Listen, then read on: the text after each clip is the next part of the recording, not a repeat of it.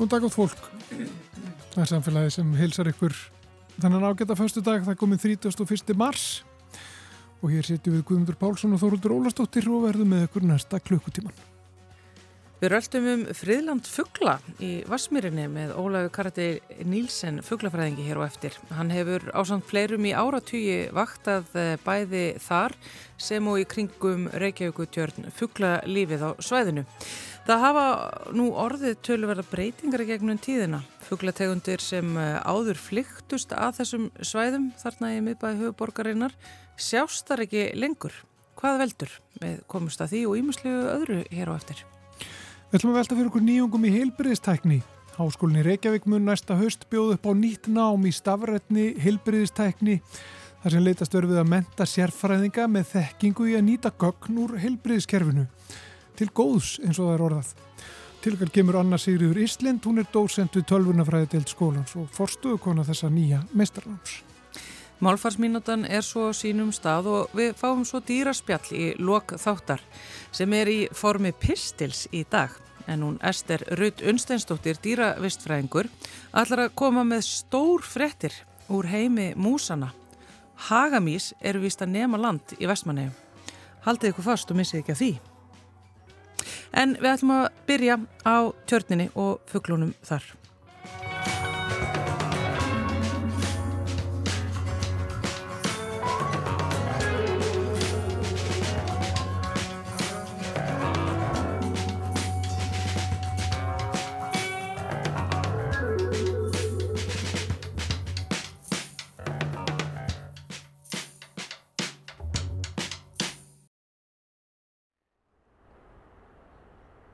Ég er hér í Vassmýrinni, stöndum hérna undir skjóli við Norrannahúsið, ég og Ólaur Karl Nílsen, fugglafræðingur. Sælust Ólaur. Já, sæl. Við erum að horfa hérna yfir friðlandi í Vassmýrinu og þú ert strax búin að sjá nokkra tegundir sem eru bara líklega nýkonar. Jú, jú, það er vor í lofti.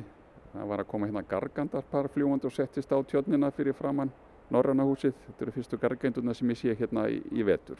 Og síðan eru verpa hérna tjaldar í friðlandinu og þeir eru mættir á sitt óðal. Og svo er einni hérna fjöldi skóarþrasta miklu meiri en maður við séð í vetur og þeir eru greinlega nýkomnir líka. Þannig að, jú, vorið er komið hérna í Vasmýrinni Já, ástæðan fyrir því að ég er að fá þig hérna til að rölda aðeins um þetta með okkur er að þú ert einn af þeim sem hefur séð um svona vöktun hérna í Vasmýrinni og í tjörninni e, vöktun á já, fugglalífinu og, og þessum bestu vinum okkar sem að hér dvelja. Jú, ég og félagi minn Jóhann Óli Hilmarsson, við höfum talið hérna fuggla í áratvíi og, og svona síðustu e, 30 árin er hér rétt að taka fram að hérna í elgamla daga sem þá unnum við hérna fyrir borgina. Ég var hér andapappi áraunum 1973 til 79 og Jóhann tók svo við að mér og var hér í einn þrjú ár og þá voru við meira og minna alla daga hérna við tjörnina og bara um ábyrða umhyrðu fugglalífsins en eftir það hefur, hefur við svona hugað að fugglunum nokkru sinnum á ári. Við metum stærð varpstofnana, gerum það á vorin, förum og teljum hvað er mikið á öndum hér og gæsum og alltum og slíku.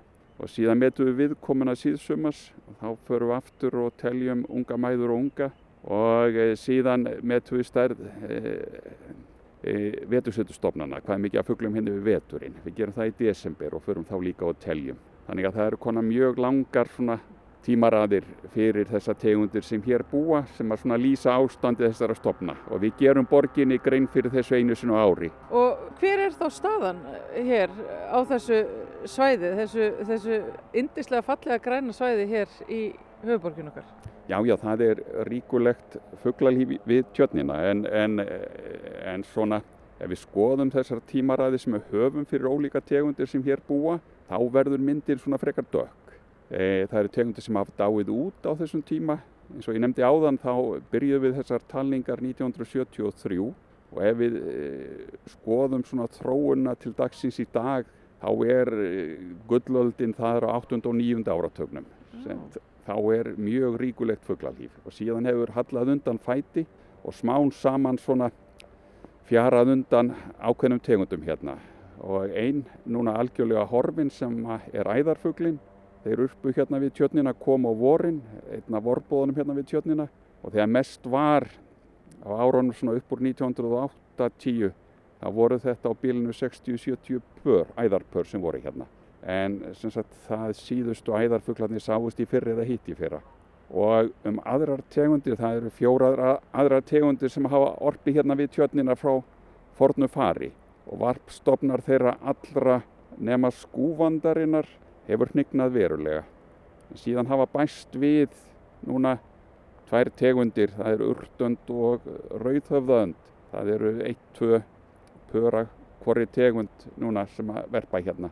En á sagt, 8. og 9. áratögnum þá voru e, andamæðurna sem komu hér upp ungum hátt í 200 en nú er þetta kannski eins og í fyrra e, kannski um 20.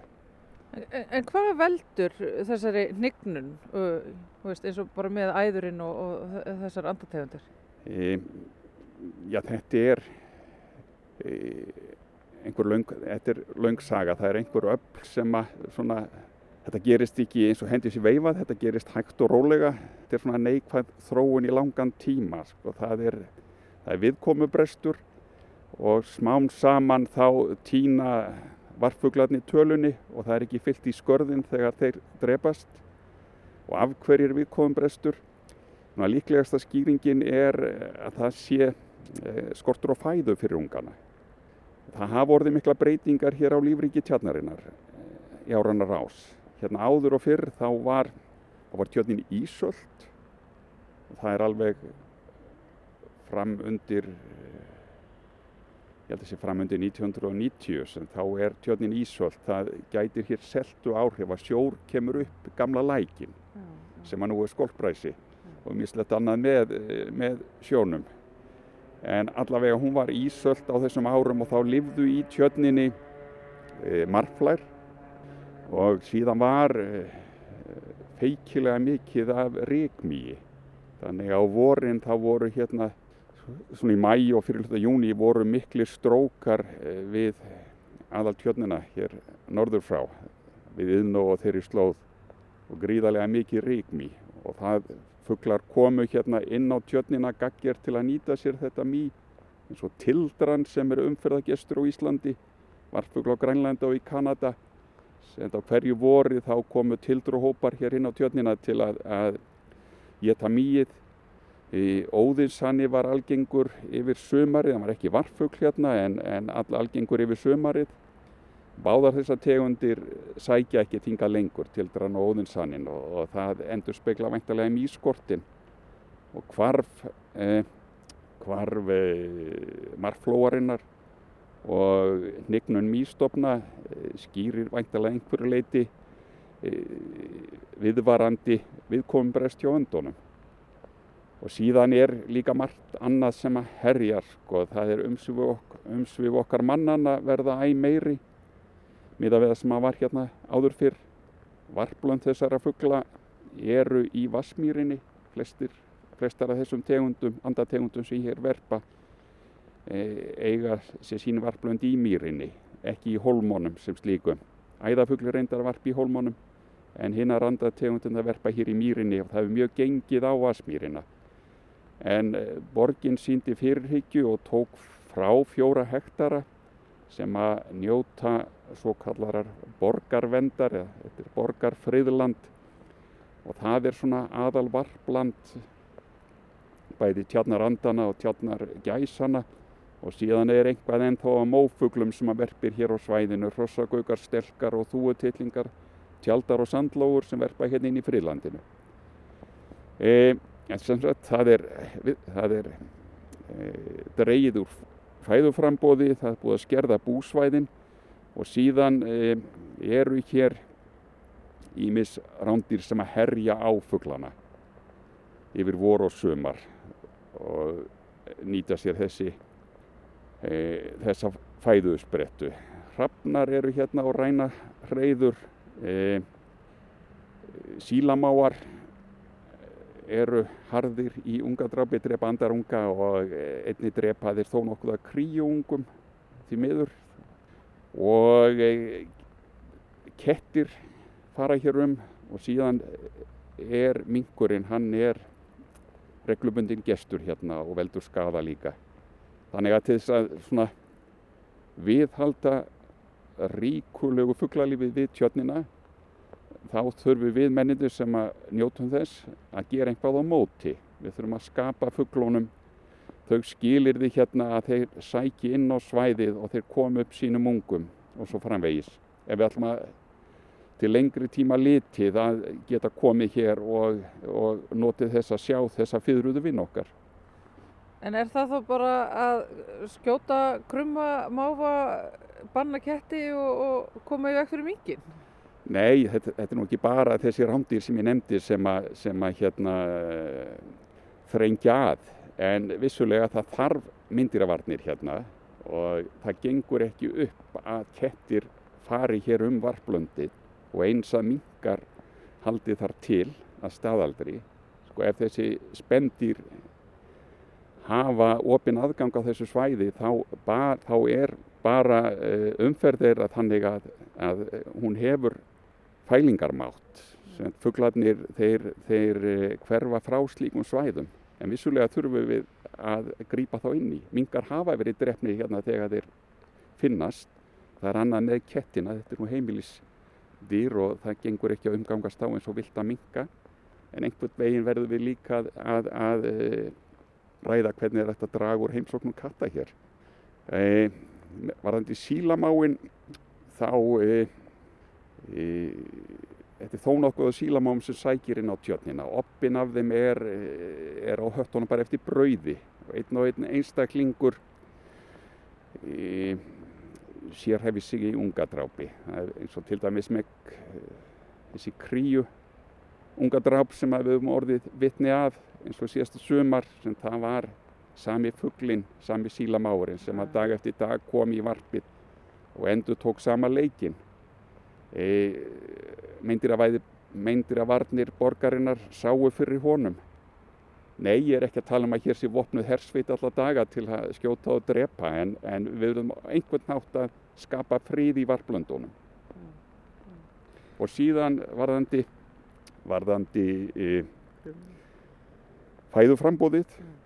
þá e, getum við komið á móts við þarfirandana. Við getum fóðurað ungana með þar til gerðu fóðurinn til þess að þeir, þeir e, komist upp og við skulum aðtuga eitt að sko, tjörnin er ekki eh, náttúrulegt kerfi, sko. hún er manngjörð að miklu leiti oppin að þessum tegundum sem að sækja hingað andategundunum sem ég nefndi áðan að væru hvað fjórar að fimm sem að verpa hér álega sem það voru fluttar á tjörnin á sínum tíma 1956 og 57 þá var eggjum sapnað í varplöndum fyrir norðan ungarnir, eða eggin, eggjónum klakið í vélum ungarnir e, voru aldir upp e, ég held að veri eigafyrðinum maður fengið til þess Kristján Heitin Germundsson hétt hann. Síðan voru þeir fluttir síðsum að synga söður og, og þessi fugglar settir á tjötnina vangstíðir til að byrja með fóðræðir þá allt árið en e, sem það er og duggendurna sem hér verpa skúendurnar gargendurnar og æðarfuglinn sem hér var voru úr þessum sleppingum. Eh, Stokkundin er eina tegundin sem er hér náttúrulegi í þeim skilningi. Það er sóttu ynga sjálfar inn. Rauðið og urtönd voru líka fluttar á sínum tíma en hurfu fljótlega en þær eru konar aftur og eins og ég nefndi á þann. Það verpa hérna nokkrar urtöndur og rauðhauðendur. En e, við getum svona haldið áfram þessu rektunastarfi í þeim skilningi að við getum eh, stutt við fugglana, hjálpa þeim að koma upp sínum ungum til að tryggja eh, langvarandi viðveru þeirra á svæðinu. Og hefur verið þá tekin einhver ákvörunum að það eigi að gerast af því að þegar þið leggið fram þessar vöktunarskýrslur og, og setið fram þessa sögu og, og dræðið upp þessa mynd, það þarf þá ekki að stíga þá inn í ef við ætlum að njóta þessara lífskeiða, þó þetta séu manngjör lífskeiði að þá eru svona lífskeiði að vera með friðland og fuggla inn í meiri borg. Jú, E, já, það er allavega ekki brugðist hratt við, sko, það e, hafa verið gerað tilraunir eins og til þess að halda í æðarfuglin, þá var endur, þá var hérna, þá voru fluttar á svæðið, e, hvað einir 50 æðarungar um það bíl sem að æðastofni var að líða undir lok, en e, og hluti af þeim æðarfuglum sem sáust næstu ára og eftir voru þeim sleppingum, en þessu verið ekki verið fyllt eftir nægilega vel og, og engar tilraunir í alvöru að fóður ángana yfir sumarið eða þennan erfiða tíma það sem þau þurfa æti. En ég nefndi að það voru fluttir e, æðarfuglar og er, æðarfuglin er horfin en það voru líka fluttar nokkrar gargendur og e, við mertum þær og sjáum hérna gargandapar á sundi. Yeah og önnur að tveimur gargandakollum sem að hér eða síðustu ár hafa orpi hérna við tjörnina er úr þeirri sleppingur. Þannig að eh, vissulega hefur einhvað verið gert en það má gera meira af halvu borgarinnar. Mm. Nú lögðu þið einmitt vöktunarskíslu síðast árs nýlega fyrir borgina og, og, og finnst þér viðbröðun þaðan vera á þá leið að, að það sé viljið til þess að, að grýpa inn í og og við halda því umhverju sem var búið til hérna og með þeim dýrum sem við viljum helst sjá. Já, já, það, er, það eru eh, góður menn hjá borginni og, og þanniglega séð e, fullur vilji til að, að við halda auðu og lífriki hérna við tjötnina en, en svona það hefur skort að mínum að þetta er svona beinar aðgerðir. Mm. Við höfum skilað þessum skýslum árlega núna í ára tugi og klefað sama söngin en e, það, var, e, það hefur verið ráðist í ákveðna þætti og það er gott líkt og hérna í friðlandin að friða þetta landsvæði já, og síðan að afmarka það með þessum síkjum sem að það er afmarkað til, til þess að koma í veg fyrir umferðgangandi manna yfir varptíman og e, fleira en, en það mætti vissulega gera betur. Þetta, þetta svæði samt einhvern veginn er allt eins og þú ferði yfir gert af manninum og þá erum við líka búin að gera okkur líka að einhverju svona ábyrðaraðalum fyrir því að, að viðhalda þessu frekar heldur en að láta þetta drabbast niður. Jú. Verðum við ekki að halda þessu við? Jú, jú. jú þess, þessu var startað eins og segir á sínu tíma miklu metnaði. Sko. Borgin fjármagnaði þetta á árunum 1956 og 7 og það, þetta var feiki stort verkefni og eh, Finnur Guðmundsson fuglafræðingur, hann var svona e, forgungumæður í þessu. Og Gunnar Tórótsen, ef ég maður rétt, var þá borgastjóri og þeir voru gamlir skólabræður úr MR og e, borgin stutti þetta veglega og það var hér mikil drift alveg fram til 73 eða 70 71-2 e, það sem var andapabbi sem að fóðraði fugglana og hafði aðstöð í, í vinnuskúr hérna við Þorfinnstjörn. Af því að þú gengdur þessu starf sínum tíma og hljómar er svo besta starf í heimi. Þegar ég tók við þá var svo stefna ráðandi að að matgjöfum var hægt en þá voru borgarbúa mjög duglegir að gefa öndunum brauð og e, það var eitthvað dreyið úr því síðustu ár en þá svona snýrist okkar starf andarpappana að, að reynsa tjötnina reglulega. Við fórum á hverjum degi og, og hýrtum rusl sem að hefði lengt í tjötninni ykkur hluta vegna og síðan að undibúa varplöndi fyrir fugglan á vorin. Og e, við töldum fugglana og eh, sáum þá líka myndýravarnir á svæðinu. Tryggðum að, að, að hérna að það væri svona spynt við fæti gagvart þessum gestum sem komi hinga til þess að drepa þessa vinn okkar. Segjum svo svo að ekkert verði gert næstu 50 árin. Þetta munir bara verið eh, svona áfram eh, verði látið kannski reyka þá á reyðunum Hvað hva, hva verður þá um þetta svæði? Ef þú myndir vilja draga upp einhverju mynd. E... Verður ekkert hérna nema mávarnir? Jú, jú, jú, jú, jú, jú, mikil ósköp, sko, ég held við munum sjá svona fugglarlifi í takt við það sem hann núna er. Ég vona að botninum sé náð, fækkunin hefur verið feikilega mikil og, og viss og allavega fyrir sumar af þessum tegundum þá virðist botninum náð, sko, að, að hérna e, þessi fækkun langtíma fækkun hún er ekki lengur við líði já, reyndastofnandi komið það langt niður að næsta skrif væri að þeir hyrfu alveg. En, en svo lengi sem að við höfum, höfum okkur á þann hátt sem við höfum verið að gera með tiltúlega litlum yngripum þá verður eftir sem áður fugglalíf hérna en, en það mun að einhver leiti ráðast af þáttum eins og brauðgjöfum sem er, er mjög ábyrjandi yfir veturinn. Ef við horfum bara til þeirra fugglastofna sem eru hérna tjötnin yfir veturinn, þá eru þeir hérna engöngu vegna brauðgjafana og það hefur alveg öruglega dreyið verulega úr brauðgjöfum.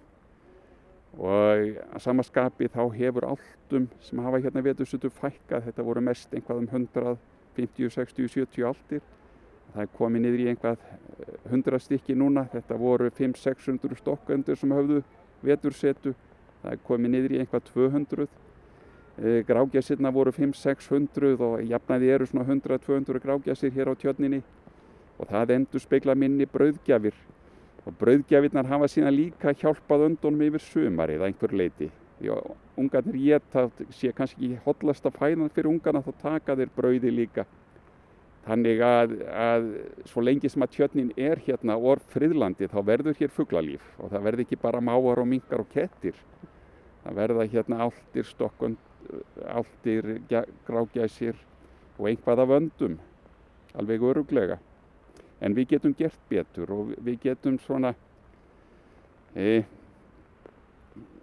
við getum svona, hvað ég var að segja, gert framtíðamyndina örug margari fyrir þessa tegundir með því að hjálpa þeim að styðja og hérna láta ekki hendingur á það hvort að þetta eigi út hérna eða ekki.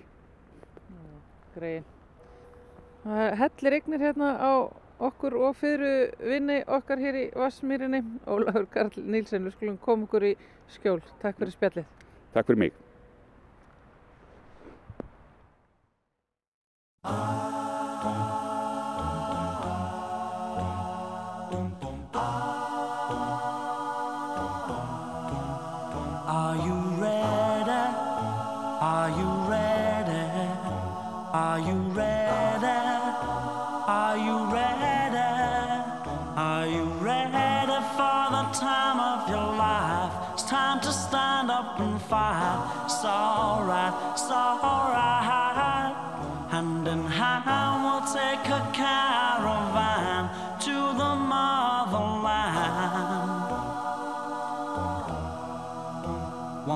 One we're gonna stand up with pride. One that can't be denied. Stand up, stand up from the highest mountain valley low. We'll join together with hearts of gold. Now the children of the world can see this is a better place for us to be. Place in which we were born, so neglected and torn apart. Every woman, every man Join the caravan of love. Stand up, stand up, stand up. Everybody take a stand. Join the caravan of love. Stand up, stand up, stand up. I'm your brother. I'm your brother, don't you know? She's my sister. She's my sister, don't you know? We'll be living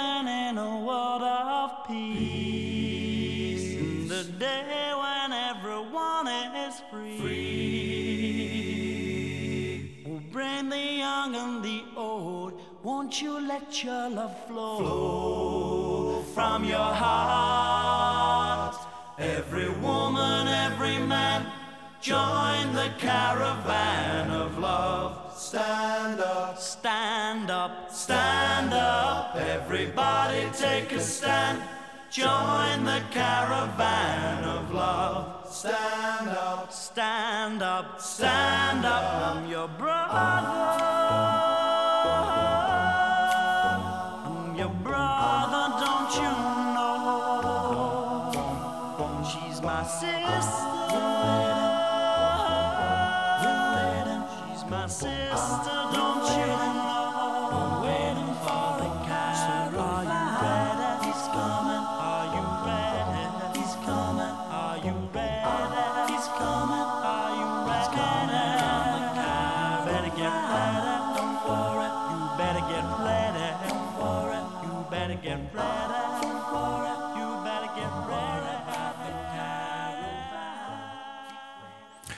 Þetta eru House Martins og lag sem heitir Caravan of Love.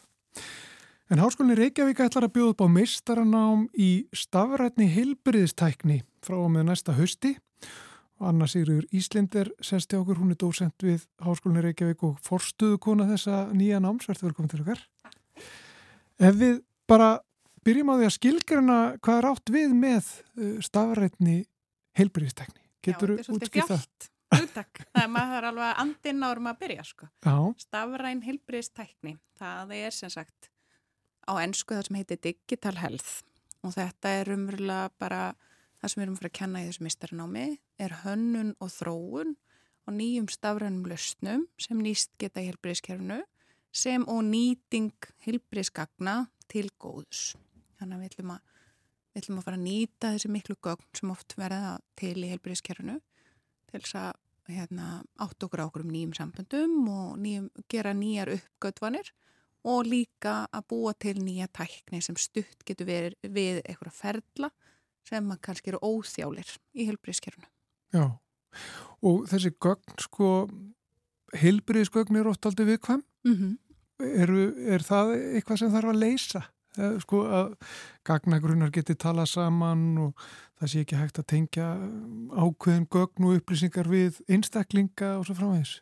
Og þetta er bara einmitt ástæðan fyrir því að mér finnst þetta nýja mistranum svo, svo mikilvægt og spennandi vegna þess að allt sem að hefur með viðkvæm gögn að gera er líka bara svo mikilvægt að vera varskar með. Og þetta er eitt af því sem við ætlum að, að hérna, kenna og þjálfa í þessu námi. Við ætlum að færa saman, sem sagt, þeir sem við erum að taka inn í þetta meistarnámi eru sem sagt annars vegar með tækni bakgrunn, til að mynda tölvunafræði eða, eða eitthvað skona verkfræði og hins vegar með heilbreyðis bakgrunn, hjókunarfræði, sálfræði, uh, læknsfræði og þar fram eftir göttunum. Við ætlum að færa þessa einstaklinga saman og þá, þá semst er alltaf einhver með tækni bakgrunn að vinna með einhver með heilbreyðis bakgrunn og hérna saman ætlum við að læra til dæmis að byrja virðingu fyrir þessum ótrúlega viðkvæma hluta sem helbriðsgögn eru og það að vinna með helbriðsgögn og helbriðstækni það er annars konar heldur en að vinna með tækni annars staðar eða gögn úr öðrum kerfum vegna þess að það, bara, það þarf að fara með þetta meiri varkórni Já. Hvernig er, uh, hvernig er sko bara, ég var að segja, uh, geimsla á þessum gögnum og, og leiðir til að sækja þessi gögn og þess að núna? Og erum að tala, og hva, hvað eigum við með gögnum, sko? Erum að tala um, er það, er það mjög, lítur að mjög vítt? Já, og þetta getur líka verið alls konar og það er líka kannski bara það sem við ætlum að hérna, kenna að hugsa um sem sagt að hvernig maður hvernig struktúrun á að vera á gögnunum, hvernig byggja á gagnasöfn, hvernig hugsa á heilbriðis uh, forrit svona almennt, til dæmis bara hvernig byggjum maður smáforrit sem heldur utanum hérna, heilbriðisgögn á ábyrgan máta og þá þarf maður einmitt að huga því hvað er gagnageimslan, hvernig er hún, hvernig er gögnin tengd og allt þetta sem þú nefndir. Þannig að þú ert bara fyrir kandidat í þetta nám, heils mér. En tölum það þessum það, hverjir eru kandidatar í þetta ná? Það eru sem sagt þá allir þeir sem eru með hérna, grunnámsgráðu eða bachelorgráðu, annars vegar í, í þá einhverju tæknifæi og eða hins vegar þá úr heilbrisgeiranum. Já, og hvernig verður þetta byggt upp hjá okkur? Við ætlum að vera með svona hérna uh, vandamála, tengda, ég er að reyna hérna íslenska þetta, problem-based learning heitir þetta á ennsku. Já. Uh, þannig að við tökum sem sagt fyrir einhver ákveðin vandamál í verkefnunum og, og hérna pörum saman einstaklinga, einn þá með teknimendun og einn með helbrísmendun og hérna reynum að tækla vandamálinn þannig að styrkleikar begja komi fram. En hins vegar er það þá líka þannig að því að þetta er náttúrulega 121 mistarnám með fullt af námskiðum sem að hérna uh, sum þeir eru þá valnámskið þannig að við ætlum semst að að reyna að beina þeim sem er heilbríðsmentaðir yfir í að taka fleiri námskeið sem eru þá meira tækni miðuð og þeir sem eru með tæknimendunna að benda þeim á að taka kannski barnasálfræði eða einhvers konar helbriðskursa eh, meðfram náminu sem valnámskeið til þess að breyka sinn, sinn, hérna, sína þekkingu sem er hafa nú þegar. Af því þeir sem koma inn, kannski gefum okkur það að koma inn einhver tölunafræðingur, viðkomandi kannabóti tækni en kannski ekki helbriðstækni. Og það er, veist, það sem við ætlum að hérna, vinna með. Og svo þetta með gagna, gagna nálgunna, vinna með velrænt gagnanám til að mynda. Taka á þessum stóru spurningum sem að nú brenna á öllum varandi gerfgrindina, mm -hmm. hvað, hérna, hvert eru við á leiðinu með það og, og hvernig á gerfgrinda, hvernig maður að nota gerfgrind í heilbrískerfinu sérstaklega, vegna þess að það er, þetta er svo viðkvæmt og, þetta, og á sama tíma ótrúlega spennandi. Já. Og það er svo margt að gerast einmitt bara akkurat núna. Akkurat. Og það þarf einhvern veginn að, að undirbúa alla, eða búa alla undir það. Já, og öll ákvæmlega að taka ákvæmski ekkert endilega heima í einhverju kerfum.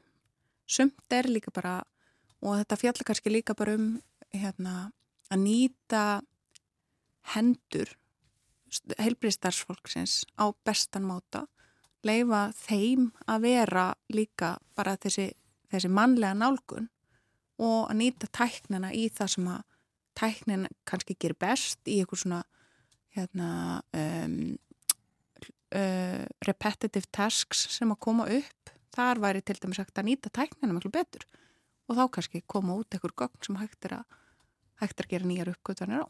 Já. Hversu mikið af þessu snýstum um að bæta þjónustu? Það er nú alveg einhver hluti af þessu, þú veist, að því að það er líka, hérna, e, það sem við ætlum líka að vinna með er bara svona nótenda miðuð e, nálgun, þannig að maður til dæmis í allri hugbúna að gera taki inn hérna, sín sjúklingsins, taki inn sín heilbriðs, starfsmannsins að því að það eru margir sem að hafa, hafa hérna, e, fengið nokkur grá hár út af sögukerfinu, goða. Við nú, já, sögukerfinu, sögur frá því. Sögukerfinu sem sagt, e, þó að það sé, það er ímislegt gott í því Uh, en það er líka ímislegt sem hefði kannski mátt vera hannað og þróað með notenda miðar en nálgun. Það er kannski ekkit endilega öllum sem finnst eins og þeir séu aðal notandi sögukerfisins. Mm. Og það, þá áttu við, þetta er sjúkra Íslenska sjúkra skráin. Já. Já. Þannig að það er hérna, ég veit ekki hversu oft ég hef heyrst bara að þetta að hérna fólki sé, líði kannski ekki eins og það sé endilega sánotandi sem að kerfi var hanna fyrir. Mm -hmm. og ef að öllum líður þannig þá kannski var kerfið þá kannski þyrsti nýja nálgun í, í hönnun og, og þróun á, á svona stórskólu skala kerfi. Og þetta er til dæmis það sem við ætlum að kenna í svona ámi hvernig tekum maður inn mismunandi þarfir mismunandi nótendahópa í svona flókin kerfi, að því helbriðskerfi eru yfirleitt flókin. Já Hvernig koma kemur uh, þá, já koma þá kemur þá heilbriðskerfið inn í sko þetta? E, verður samtal við heilbríðiskerfið? Já, og við hefum verið bara í ótrúlega góðu samstarfi og munum halda því áfram við bæði fyrirtæki sem eru að hérna, hanna á þróa heilbríðistækni en líka veist, eins og landsbytalan og svona og hérna e, við munum halda því áfram og eitt af námskjánum í náminu er sem sagt svona praktik þannig að maður sé hluta til annarkvort á í, í fyrirtæki sem er að að hérna, vinna heilbreyðstekni eða bara að kannski að vinna uh, með spítalanum í, í stafræðni heilbreyðstekni til þess að hérna, fá líka bara smjörþifin að því hvernig er þetta síðan notað? Hvernig, hvernig fer þetta síðan inn?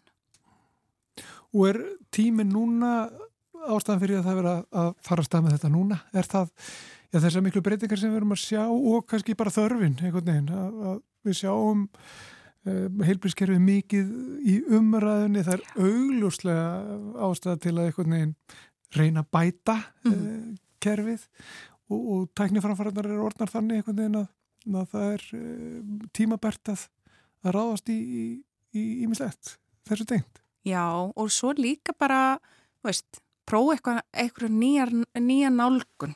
Við kannski getum ekki endalust sett bara meira fjármagn í helbriðskerfið og hérna gert bara allt eins og við höfum alltaf gert. Kannski er bara komin tíma að gera nýja nálgun. Kannski bara komin tíma að búa til nýja tækni fyrir ákveðna ferla.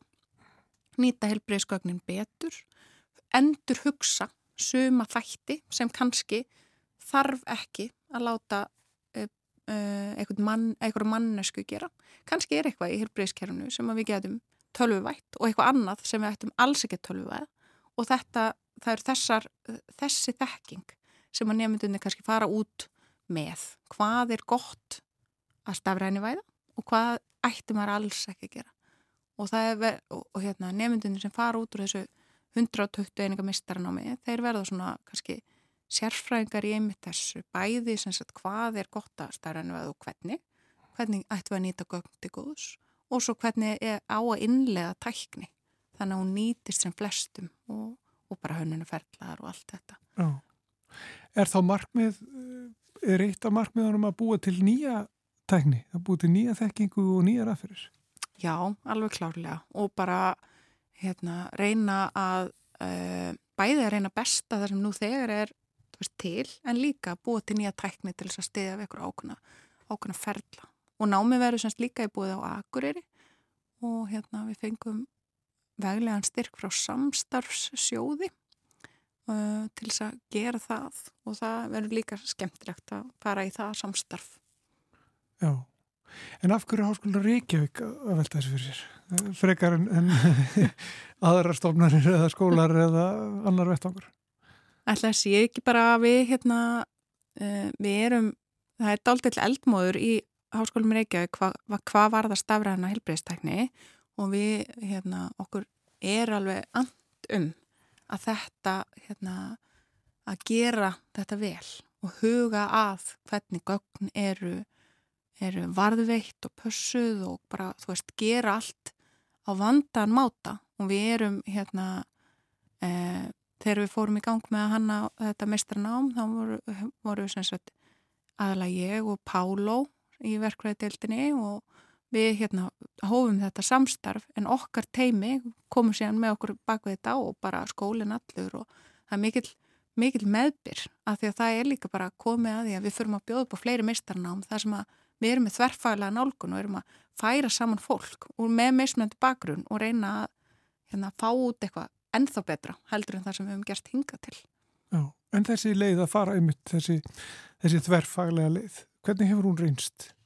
Eh, og hvað hva áskorunir eru þar eins og þú sagði sko það er einhver sem er tækniþekkingu, Já. hann er ekki með hilbyrðisþekkingu og öfugt. Akkurat, og þetta verður eitthvað skemmtlegt. Ég held að, ég held allavega að þetta sé klárlega framtíðin en af því að við höfum ekki veist, háskólinni Reykjavík hefur ekki verið með mörg þverfælega mestarnám, veist, þetta er held ég kannski á stærsta skalanum hinga til, Já. þá verður þetta, það verður þetta einhverjir hérna barnasjúkdómar í þessu mm -hmm. en hérna, og eitth, eitth, eitthvað verður kannski pínuflóki upphafi til dæmis, hvernig tölum við saman og svona, en hérna ég held að það verður líka hluta af því sem að verður skemmtilegt í þessu.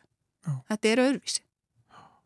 Þú ætlar að, að hérna fara fyrir þessu, námi ekki satt, þú ert forstuðu kona þessa, e, þessa verkefnis. E, ertu búin að tekna þetta saman upp? Eru þið með þetta bara, er pakkin tilbúin? Pakkin er tilbúin og meiri segja sko, eru við hérna búin að vera mikið í því upp á síðkast eða búa bara til fyrirlestrana og svona. Þannig að hérna, þetta er allt saman að smetla saman. Já. Allir áfangarnir eru tilbúinir og, og hérna samstarfið er bara komið og það er allt raunverulega tilbúið fyrir mistarnámið. Það sem við erum búin að, búin að vera svona upp á síkast eða að hérna vinna í eru kannski bara fyrirlestrandir einmitt fyrir höstið. Mm -hmm.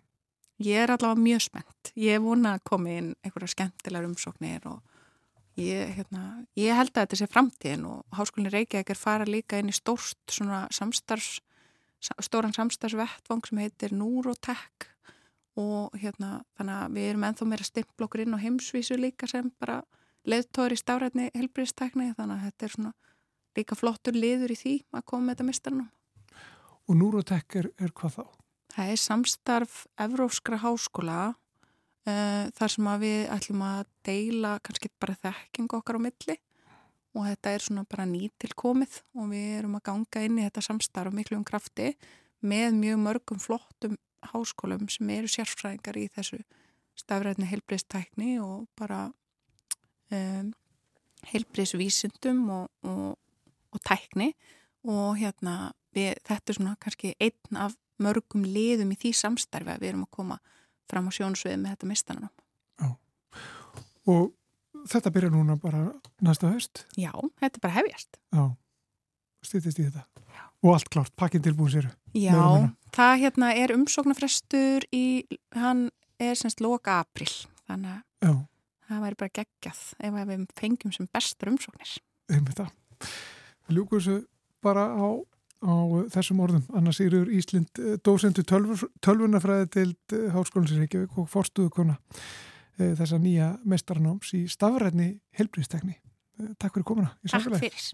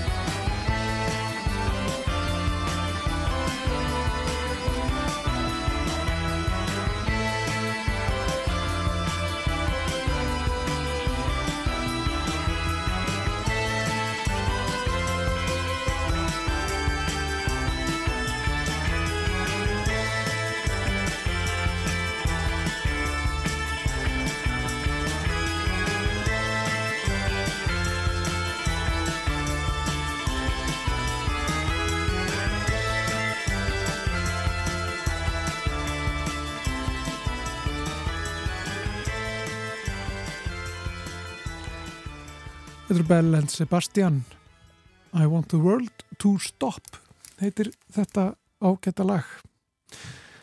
En uh, við höfum enn eftir að spjalla og fjalla um ímislegt hér í samfélaginu.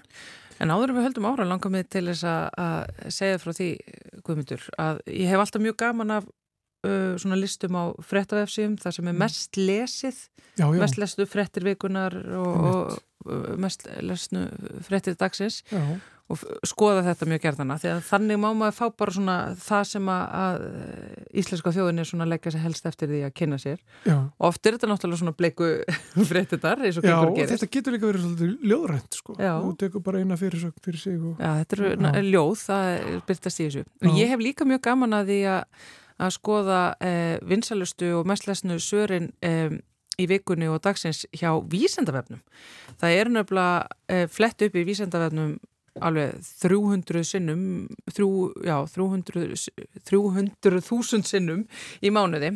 Það er sem sagt nánast bara eins og hvert mannspaður á Íslandi nánast eh, sem að kann og getur nota tölvu flettri daglega upp í vísendavefnum og hérna þá má sjá svona hvað fólk er aldrei svona, hvað Íslendingurinn er að googla uh, og við sjáum til dæmis að, að uh, í hverju einustu viku er alltaf verið að fletta upp á hérna, íslenskum gæsalöppum. Hvernig líta ekki íslenska gæsalöppur út? Já, og þá dettur fólk inn á vísendavefun og finnur það þar. Já, Annað sem að er uh, flett upp á ykkur einustu viku er alltaf vinsalasta svarið hjá vísendavefnum, held ég bara, ég sé þetta ykkur einustu viku, það er hver er eðlilegur blóðþrýstingur? já, Fólk fer mikið á uh, interneti til þess að skoða hérna heilsufar og annað Mm. og það má líka sjá til dæmis að í þessari viku er líka verið að spyrja, spyrja mikið um bergjubólgu sem að, eh, er sem sagt eitthvað sem að tengist bara ákveðnum eh, vírusum sem er að ganga í já það er samfélaginu eitthvað núna að ganga Já. það er eitthvað að ganga Það er nefnilega streftakokkur og hálsbólga að ganga og bergjubólga tengist í öllu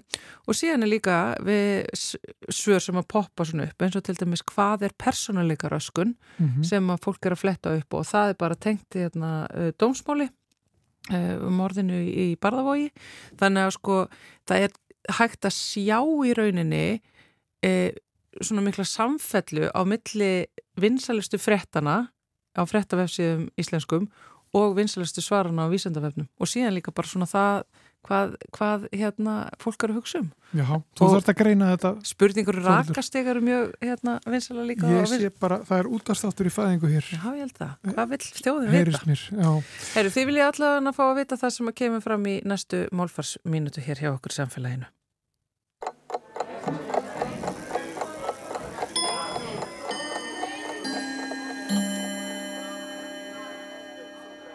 Eins og mörg orð yfir húsgögn er Sofi komin hingað frá Danmörku.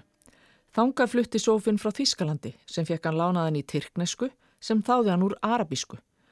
Orðið yfir Sofa er tökuorð í fjölmörgum tungumálum. Þar virðast tvö orð engum liggja til grundvallar. Arabísk-tyrkneska orðið Sofi og gríska orðið Konopeion.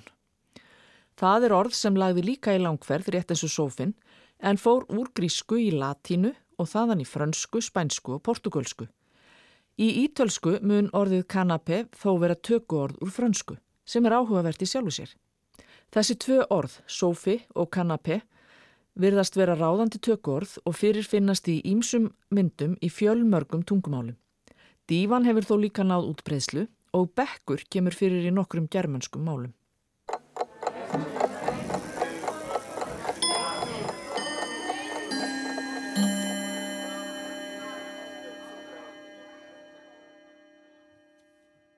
Málfarsmínúta baki og þá komið að dýraspjallinu svo kallaða hér í samfélaginu sem að er ekkert endilega alltaf spjall, það er pistill í dag og það er Ester Rutt Unsteinsdóttir, dýravistfræðingur sem er með já, dýraspistill eh, hjá okkur í dag. Hún tekur nú við.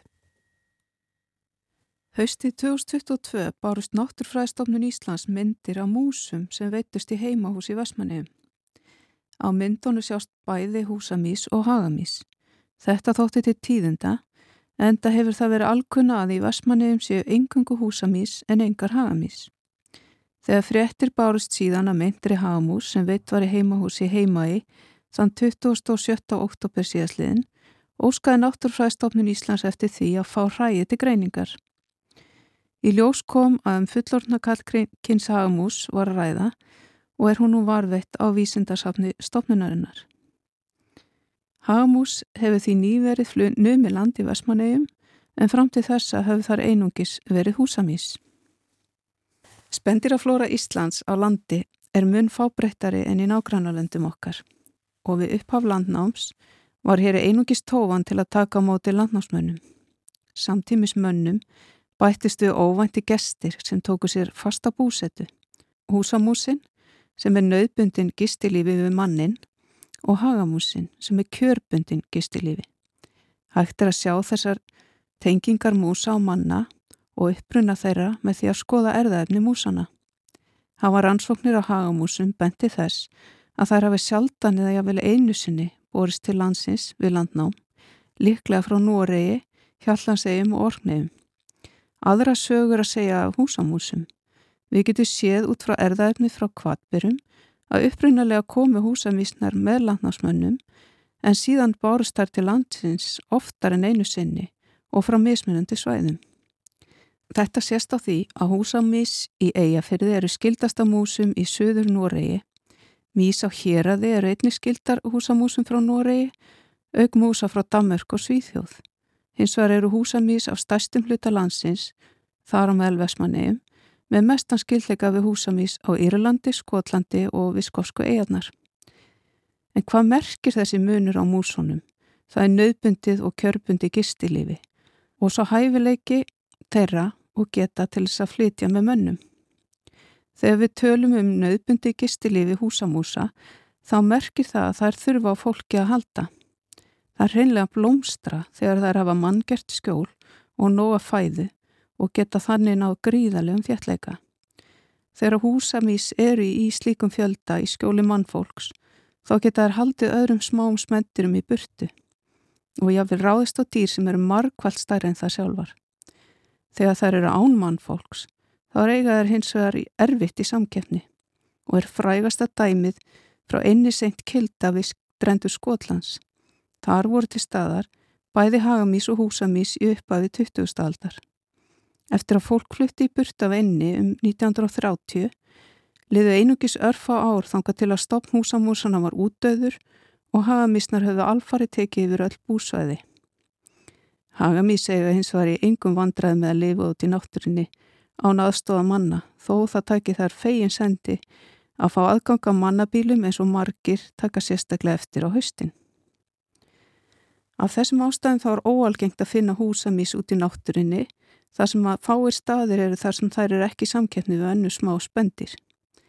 Nokkur að fáum dæmum um þetta eru eigjar í færiðum þar sem að önnur smá spendir eins og hagamúsin hafa ekki numi land og svo hefur þetta verið raunin í yfir 1100 ár í heimægi. Í raunin er eini staðurinn þar sem vitar fyrir vissu á húsamís lifi viltar í náttúrin á Íslandi á heimægi. Þær mís hafa verið að einni síðan fyrstu landnámsmenn komið til landsins og því líklegt að það séu vel aðlagaðara umhverju sínu. Vistfræði hagamúsarinnar eru margt ólíkt húsamúsinni. Það sem að tegundin ferðast sjaldan með mönnum er náttúrulega útbreysla tegundarinnar komið til vegna aðlögunar að því umhverfi sem hún er í og samkeppni við aðra tegundir smára spendira. Ísland er eina landi þar sem hagamís finnast í náttúrinni á nokkura samkjöfni við aðra tegundir og einnig er tegundina hverki að finna eins norðarlega og hverki annar stað lifi tegundina á jafn smágerðri og næringasnöðri fæðu. Það sem hagamúsin er mun starri en húsamúsin, þá stendur hún betur í samkeppni út í náttúrunni en það sem húsamís ná mun meiri stoppþjallega í mannabílum, það sem næg fæða til staðar, þá standa húsamís betur að výi í hýpili manna. Árið 2019 veitist fyrsta skrítna músin í suðurluta heima er. Þannig mís heldur svo áfram að veiðast á samt húsamúsinni og voru þær greindar til tegundar að myndreiði árið 2020. Hausti 2022 barst svo eintak til náttúrufræðistofnunar sem staðfesti að um hagamús var að ræða. Voru þá bæði hagamís og húsamís að veiðast víða um einna.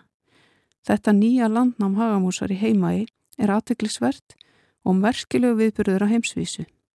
Nú verður áhugavert að fylgjast með afdrifum tegundana og sjá hvort önnur tegundum verður undin í samkeppninni líkt og gerðist á einni sengilda.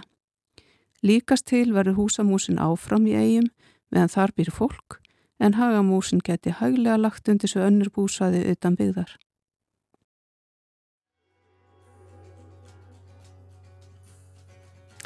Þetta var Ester Rutt Unsteinsdóttir, dýravistfræðingur, þarna með pistilinn, dýrapistilinn. Hansi merkilegt, eh, merkilega frettir þarna á ferðinni um Hagamís í Vestmannegjum. Eh, allt að gerast, eh, nema kannski þessi þáttur, hann er að klárast bæði dag og þessa vikuna. Framöndan er helgi, við vonum kær hlustendur að þið njótið hennar.